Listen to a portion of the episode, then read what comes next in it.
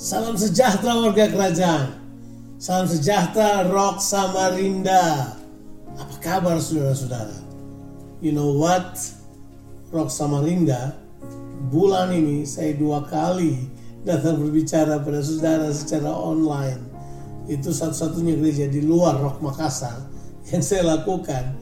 Saya menjadi seperti sangat dekat dengan saudara. Terima kasih untuk Pak Pohan Eh, dan semua pemimpin yang memberikan kesempatan saya untuk melayani saudara. Ini merupakan sebuah kehormatan buat saya. Mari kita langsung dive in pada firman Tuhan. Ini adalah hari Pentakosta. Saya percaya bahwa saudara-saudara semuanya hari ini punya ekspektasi yang luar biasa terhadap karya Roh Kudus, terhadap baptisan Roh Kudus. Saya mau katakan pada saudara kita semua perlu penuh dengan Roh Kudus. Tapi mari saya ingin mengajak saudara untuk melihat apa sebenarnya di balik Pantekosta itu. Terlalu banyak pemahaman Pantekosta kita, pengalaman Pentakosta kita itu sangat denominasional, sangat berpikir denominasi. Jadi kita malah sudah tidak tahu lagi Pentakosta menurut kata Alkitab. Yang kita tahu Pentakosta itu adalah sebuah aliran orang-orang yang berkata-kata dalam bahasa roh, kalau berdoa menangis, kalau ada banyak hal yang kita kemudian lihat hal tersebut. Nggak ada yang salah dengan semuanya itu, tapi kita kadang-kala hanya membatasi pada penilaian tersebut.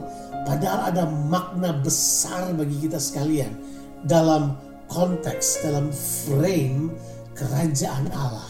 Nah saya mau mengajak kita keluar dari frame agama kita dan frame denominasi kita untuk melihat frame kerajaan bahwa Tuhan punya maksud khusus dengan hari Pentakosta ini. Mari kita baca di dalam kitab Kisah Rasul pasal 2. Ayat-ayat ini adalah ayat-ayat yang saudara-saudara sudah ketahui tentunya.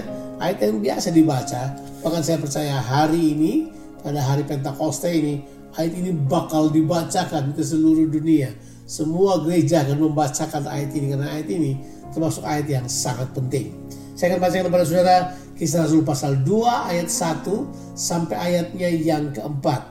Tapi saya menyarankan saudara untuk membaca keseluruhan dari kitab pasal 2 ini untuk memiliki big picture, satu gambaran besar dari apa yang saya sampaikan pada saudara-saudara sekalian. Nah saya akan bacakan ayat 1 sampai ayat yang keempat saja. Ketika tiba hari Pentakosta, semua orang percaya berkumpul di suatu tempat tiba-tiba turunlah dari langit suatu bunyi seperti tiupan angin keras yang memenuhi seluruh rumah itu di mana mereka duduk. Dan tampaklah kepada mereka lidah-lidah seperti nyala api yang bertebaran dan hinggap pada mereka masing-masing. Maka penuhlah mereka dengan roh kudus. Lalu mereka mulai berkata-kata dalam bahasa-bahasa lain seperti yang diberikan oleh roh itu kepada mereka untuk mengatakannya.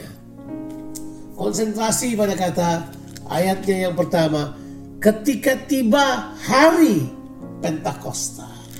Apa artinya Pentakosta? Pentakosta artinya hari yang ke-50. Mengapa ada konsep hari yang ke-50 ini? Nah, saya akan jelaskan pada saudara. Yang pertama, hari yang ke-50 itu adalah hari di mana orang mempersembahkan persembahan sulung ketika mereka masuk pada musim penuaian, orang kemudian membawa persembahan sulung. Jadi Pantekosta itu adalah merupakan hari penuaian. Makanya kita tentu dengar hampir semua aliran Pantekosta di seluruh dunia akan berpikir akan terjadi penuaian besar di akhir zaman. Saya aminkan hal tersebut. Saya mempercayai akan terjadi penuaian yang besar di akhir zaman. Tapi kita mesti melihat konteks yang lebih dalam daripada itu. Bahwa Sebenarnya pada hari yang ke-50 ini disebabkan ada sebuah ide di baliknya yang kita perlu mengerti. Bukan cuma dia adalah hari di mana ini masa penuaian, ini adalah masa di mana orang kemudian mengumpulkan gandum mereka, kemudian memberikan persembahan sulung kepada Tuhan. Tapi sebenarnya di sini adalah sebuah kisah yang luar biasa sekali. Kalau saudara baca di dalam kitab Eh, imamat pasalnya yang ke-23, sudah baca ayat 15 dan seterusnya. Saudara kan punya gambaran yang jelas tentang ada yang disebut dengan dalam bahasa Inggris the Feast of Weeks, Festival of Weeks.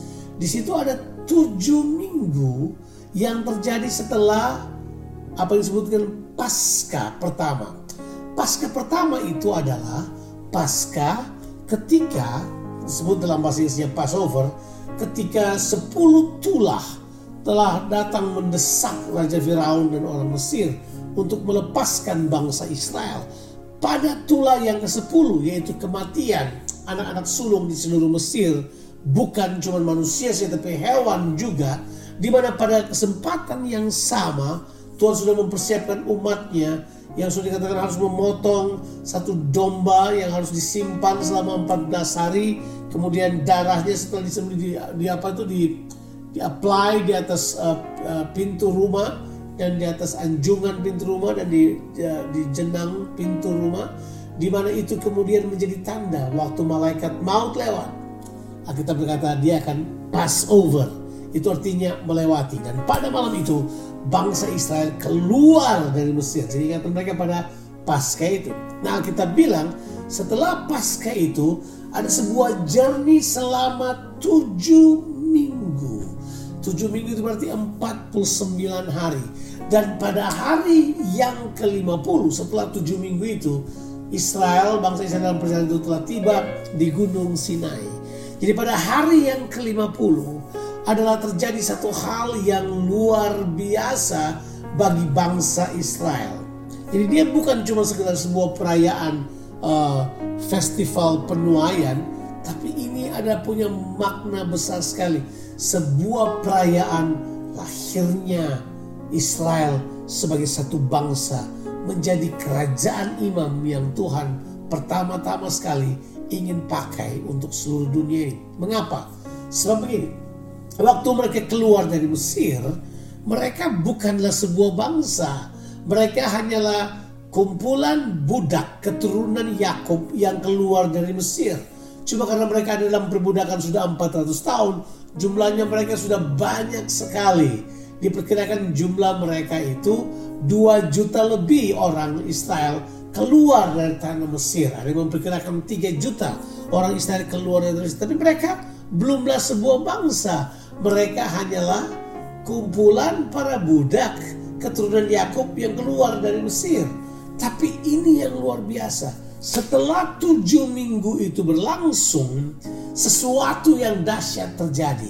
Pada saat itulah Tuhan kemudian melakukan sesuatu yang powerful buat keturunan Yakub ini. Apa yang Tuhan buat? Yang pertama, Tuhan membuat ikatan perjanjian baru dengan mereka. Tuhan mengadakan perjanjian dengan mereka. Perjanjiannya bunyinya seperti ini, bahwa kamu akan menjadi kalau kamu mendengarkan perkataanku, kalau kamu mendengar perkataanku dan berpegang pada seluruh ketetapanku, kamu akan menjadi umat kesayanganku di antara segala bangsa. Berarti tujuan Tuhan bukan hanya bangsa Israel, tapi tujuan Tuhan adalah seluruh bumi, segala bangsa yang ada di bumi ini. Tapi Israel akan menjadi buah seluruhnya, dia akan menjadi apa yang disebut dengan harta kesayangan Tuhan. Dan kemudian pada hari itulah Israel berubah menjadi sebuah kerajaan, sebuah bangsa yang diperintah langsung oleh Tuhan. Nah hari ke-50 itulah terjadi sebuah peristiwa yang powerful. Tuhan memberikan hukumnya kepada bangsa Israel lewat Musa di atas gunung itu. Waktu mereka menerima hukum itu, mereka berubah menjadi sebuah bangsa yang beradab. Mereka bukan budak lagi, mereka adalah sebuah bangsa yang merdeka dan beradab. They are civilized. Mereka sekarang menjadi bangsa yang punya peradaban karena ada hukum yang diberikan pada mereka. Jadi pada hari yang ke-50 setelah pasca itu. Makanya benar kan setelah kebangkitan Yesus pasca itu kematian dan kebangkitannya tujuh apa tuh 49 hari 50 hari kemudian barulah hari Pantekosta ada. Jadi saya mengatakan kepada saudara sebuah kebenaran yang khusus pada saudara hari ini bahwa bangsa Israel menjadi sebuah bangsa yang diperintah langsung oleh Allah. Bangsa Israel adalah bangsa yang dipimpin oleh ibadah mereka kepada Tuhan. Ah, bangsa yang dipimpin oleh penyembahan mereka kepada Tuhan. Yang luar biasanya adalah hari Pantekosta ternyata the feast of seven weeks. Hari berikutnya itu adalah hari Tuhan memberikan hukum Taurat kepada bangsa Israel. Tapi tentu kita tahu perjalanan mereka kemudian mengalami masalah karena mereka kemudian tidak menyukai pemerintahan Tuhan. Mereka mulai memilih raja-raja mereka. Mereka memberontak terhadap Tuhan. Mereka nggak suka diperintah oleh Tuhan. Tapi Tuhan tetap mencintai bangsa Israel. Sampai pada zaman nabi-nabi. Tiga nabi besar kemudian bernubuat tentang sebuah perjanjian yang lain dari perjanjian Musa. Dikenal dalam kitab uh, kitab Yeremia kata yang dipakai adalah perjanjian baru. Untuk pertama kali kata perjanjian baru muncul sebagai pengganti dari perjanjian apa perjanjian Musa yang kemudian telah menguasai cara berpikir, cara pendekatan dan cara pelayanan seluruh bangsa Israel. Nah, stop dulu sebentar sampai sini. Di sinilah kemudian perjanjian baru dinubuatkan. Jadi perjanjian baru yang dimulai dari kitab Matius itu telah dinubuatkan kurang lebih 500 sampai 600 tahun sebelumnya oleh Nabi Yeremia. Nabi Yesaya juga mengatakannya, Nabi Yehezkel juga mengatakannya. Saudara baca kitab Yesaya 30 ayat 21 bahwa Tuhan menuntun umatnya dari dalam. Yehezkel 36 ayat 26, Yehezkel pasalnya ke-11 ayat ke-19. Bahkan Tuhan memberikan kepada kita hati yang baru. Supaya kemudian hukum-hukumnya dia taruh dalam hati kita itu telah merupakan pandangan dari para nabi. Ya, coba kita lihat sekarang nubuatan Nabi Yeremia. Kalau ini kita perlu baca di dalam kitab Yeremia pasalnya yang ke-31. Saya akan bacakan ayat 31 sampai ayatnya yang ke-34. Kenapa saya harus cerita ini buat saudara? Supaya saudara punya mentalitas denominasi, tolong berubah. Pantai Costa milik seluruh dunia. Pantai Costa milik seluruh bangsa. Sebab ini adalah Tuhan memberikan hukumnya tapi sekarang di perjanjian baru agak berbeda. Coba kita baca di dalam kitab Yeremia 31. Yeremia 31 ini adalah tentang perjanjian baru. Ini nubuatan tentang apa yang terjadi di masa yang akan datang. Saya baca 31 sampai 34. Sesungguhnya akan datang waktunya demikianlah firman Tuhan. Aku akan mengadakan perjanjian baru dengan kaum Israel dan kaum Yehuda. Bukan seperti perjanjian yang telah kuadakan dengan nenek moyang mereka pada waktu aku memegang tangan mereka untuk membawa mereka keluar dari tanah Mesir. Jelas ini adalah perjanjian Musa yang terjadi yang dia terima tujuh minggu setelah keluar dari tanah Mesir. Perjanjianku itu telah mereka ingkari meskipun aku menjadi Tuhan yang berkuasa atas mereka. Demikianlah firman Tuhan. Tetapi beginilah perjanjian yang akan kuadakan dengan kaum Israel. Jadi inilah perjanjian baru. Sesudah waktu itu. Demikianlah firman Tuhan Aku akan menaruh Tauratku dalam batin mereka. Berarti kan aku akan menaruh Tauratku dalam batin mereka. Haleluya. Dan menuliskannya dalam hati mereka maka aku akan menjadi Allah mereka dan mereka akan menjadi umatku. Dan tidak usah lagi orang mengajar sesamanya atau mengajar saudaranya dengan mengatakan kenalah Tuhan. Sebab mereka semua besar kecil akan mengenal aku. Demikianlah firman Tuhan. Sebab aku akan mengampuni kesalahan mereka dan mereka tidak lagi mengingat dosa mereka. Haleluya. Jadi janji Tuhan adalah begini. Karena kegagalan bangsa Israel, hukum Taurat ada di luar mereka, mereka gagal tapi Tuhan punya ide yang luar biasa. Tuhan bilang perjanjian baru nanti lain. Hukum itu akan masuk di dalam hati mereka. Hukum itu akan diberikan di dalam hati mereka. Wow, saya waktu membacanya saya pikir luar biasa Tuhan. Tuhan mau supaya kita tidak mengaplikasikan kehidupan kerajaan dari luar ke dalam. Tapi Tuhan mau dari dalam keluar Itulah sebabnya bukan kebetulan di perjanjian baru. Bukan kebetulan di perjanjian baru. Roh Kudus justru turun pada hari Pentakosta. Sebab hari Pentakosta oleh rabi-rabi di perjanjian lama atau guru-guru di perjanjian lama imam mereka merayakannya sebagai pemberian hukum Taurat kepada umat manusia. Makanya di perjanjian baru Roh Kudus turun diam di dalam manusia sebab hukum Tuhan sekarang berdiam di dalam manusia. Haleluya.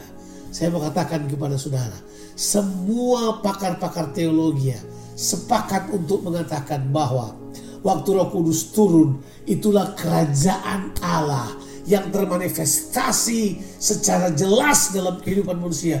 Untuk pertama kalinya seluruh dunia, semua manusia dapat diperintah oleh Allah karena Roh Kudus sekarang berdiam dalam diri mereka.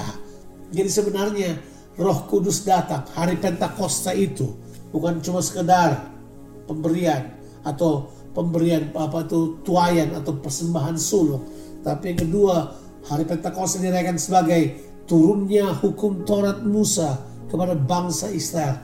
Tapi ternyata di perjanjian baru, hari Pentakosta itu adalah roh kudus dicurahkan sebagai hukum yang berdiam di dalam hati manusia. Ini untuk pertama kali manusia sekarang memiliki kemampuan dari dalam mereka untuk menjadi orang-orang yang hidup dalam normal-normal kerajaan Allah. Untuk pertama kali manusia bisa hidup dalam normal-normal apa yang terjadi di sorga sedang terjadi di bumi. Sebab roh Tuhan berdiam dalam diri manusia. Sekarang manusia dapat memanifestasikan apa yang ada di dalam mereka. Manusia yang percaya kepada Tuhan oleh anak Yesus Kristus itu kemudian dapat memanifestasikan normal-normal baru kerajaan Allah. Sebab Pentakosta bercerita tentang Roh Kudus sebagai hukum Tuhan berdiam dalam kita. We are now, ini dia ini, civilized by heaven. Kita sekarang di apa itu diberadabkan oleh sorga. Sekarang kita hidup dalam peradaban sorgawi. Kemudian saya hidup dalam peradaban kerajaan sorga. Karena itu sudah turun dalam kehidupan saudara. Nah ini yang luar biasanya saudara. Di sinilah para pakar teologi berkata bahwa turunnya Roh Kudus adalah hari raya kerajaan Allah. So this is the day of the kingdom. Inilah saat kerajaan Allah dinyatakan ke seluruh dunia. Saudara-saudara dalam frame kerajaan beda penglihatan kita. Bukan cuma sekedar bahasa roh yang penting. Saya harus jelaskan bahwa bahasa roh itu adalah apa? Tuhan datang untuk merindukan kendali dalam seluruh kehidupan kita. Alkitab berkata, Yakobus pasal yang ketiga, lidah kita adalah kendali seluruh kehidupan kita. Kalau kita berkata barang siapa dapat mengendalikan lidahnya, dia adalah orang yang sempurna. Teleos itu adalah orang yang telah mencapai tingkat pertumbuhan yang dewasa. Berarti saya mempercayai dari kitab kisah Rasul pasal yang kedua yang berkata lalu mereka mulai berkata dalam bahasa-bahasa yang baru bagi mereka seperti yang diberikan oleh Roh Kudus. Berarti bahasa mereka bukan maunya mereka lagi. Lidah mereka diatur oleh Roh Kudus. Berarti kehidupan mereka sudah mulai dapat dikendalikan oleh Roh Kudus. Di situlah pemerintahan Allah yang sejati terjadi ketika kita kemudian diperintah oleh Roh Kudus. Sebab hukum Allah kemudian berlangsung dalam kehidupan kita. Hukum-hukum Tuhan menjadi sesuatu yang natural keluar dari kehidupan kita. Saudara-saudara, kalau kita merayakan hari Pentakosta, hari Pentakosta adalah hari kita harusnya memanifestasikan itu tuh kebudayaan kerajaan Allah.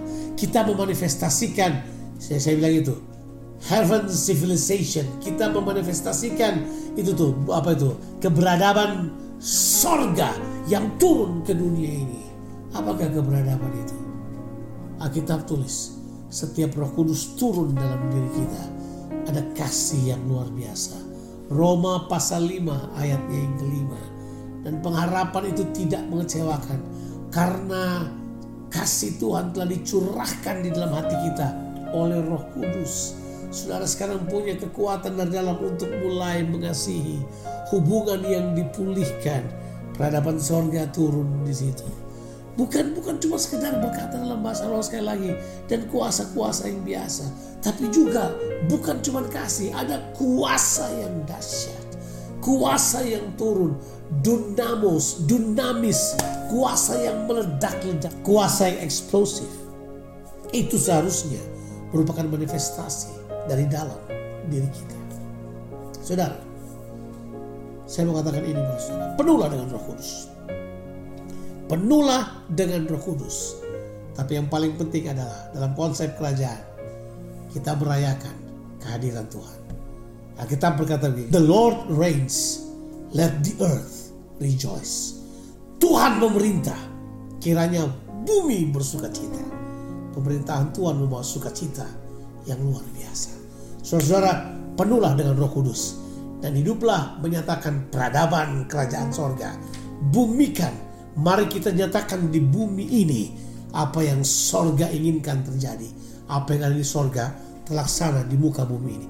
Dan roh kudus datang untuk memberi pertolongan, bantuan, dorongan, penghiburan, kekuatan buat kita menghidupinya. Selamat menghidupi hari kerajaan Allah yang luar biasa datang ke dunia ini. Tuhan memberkati saudara-saudara sekalian. Amin.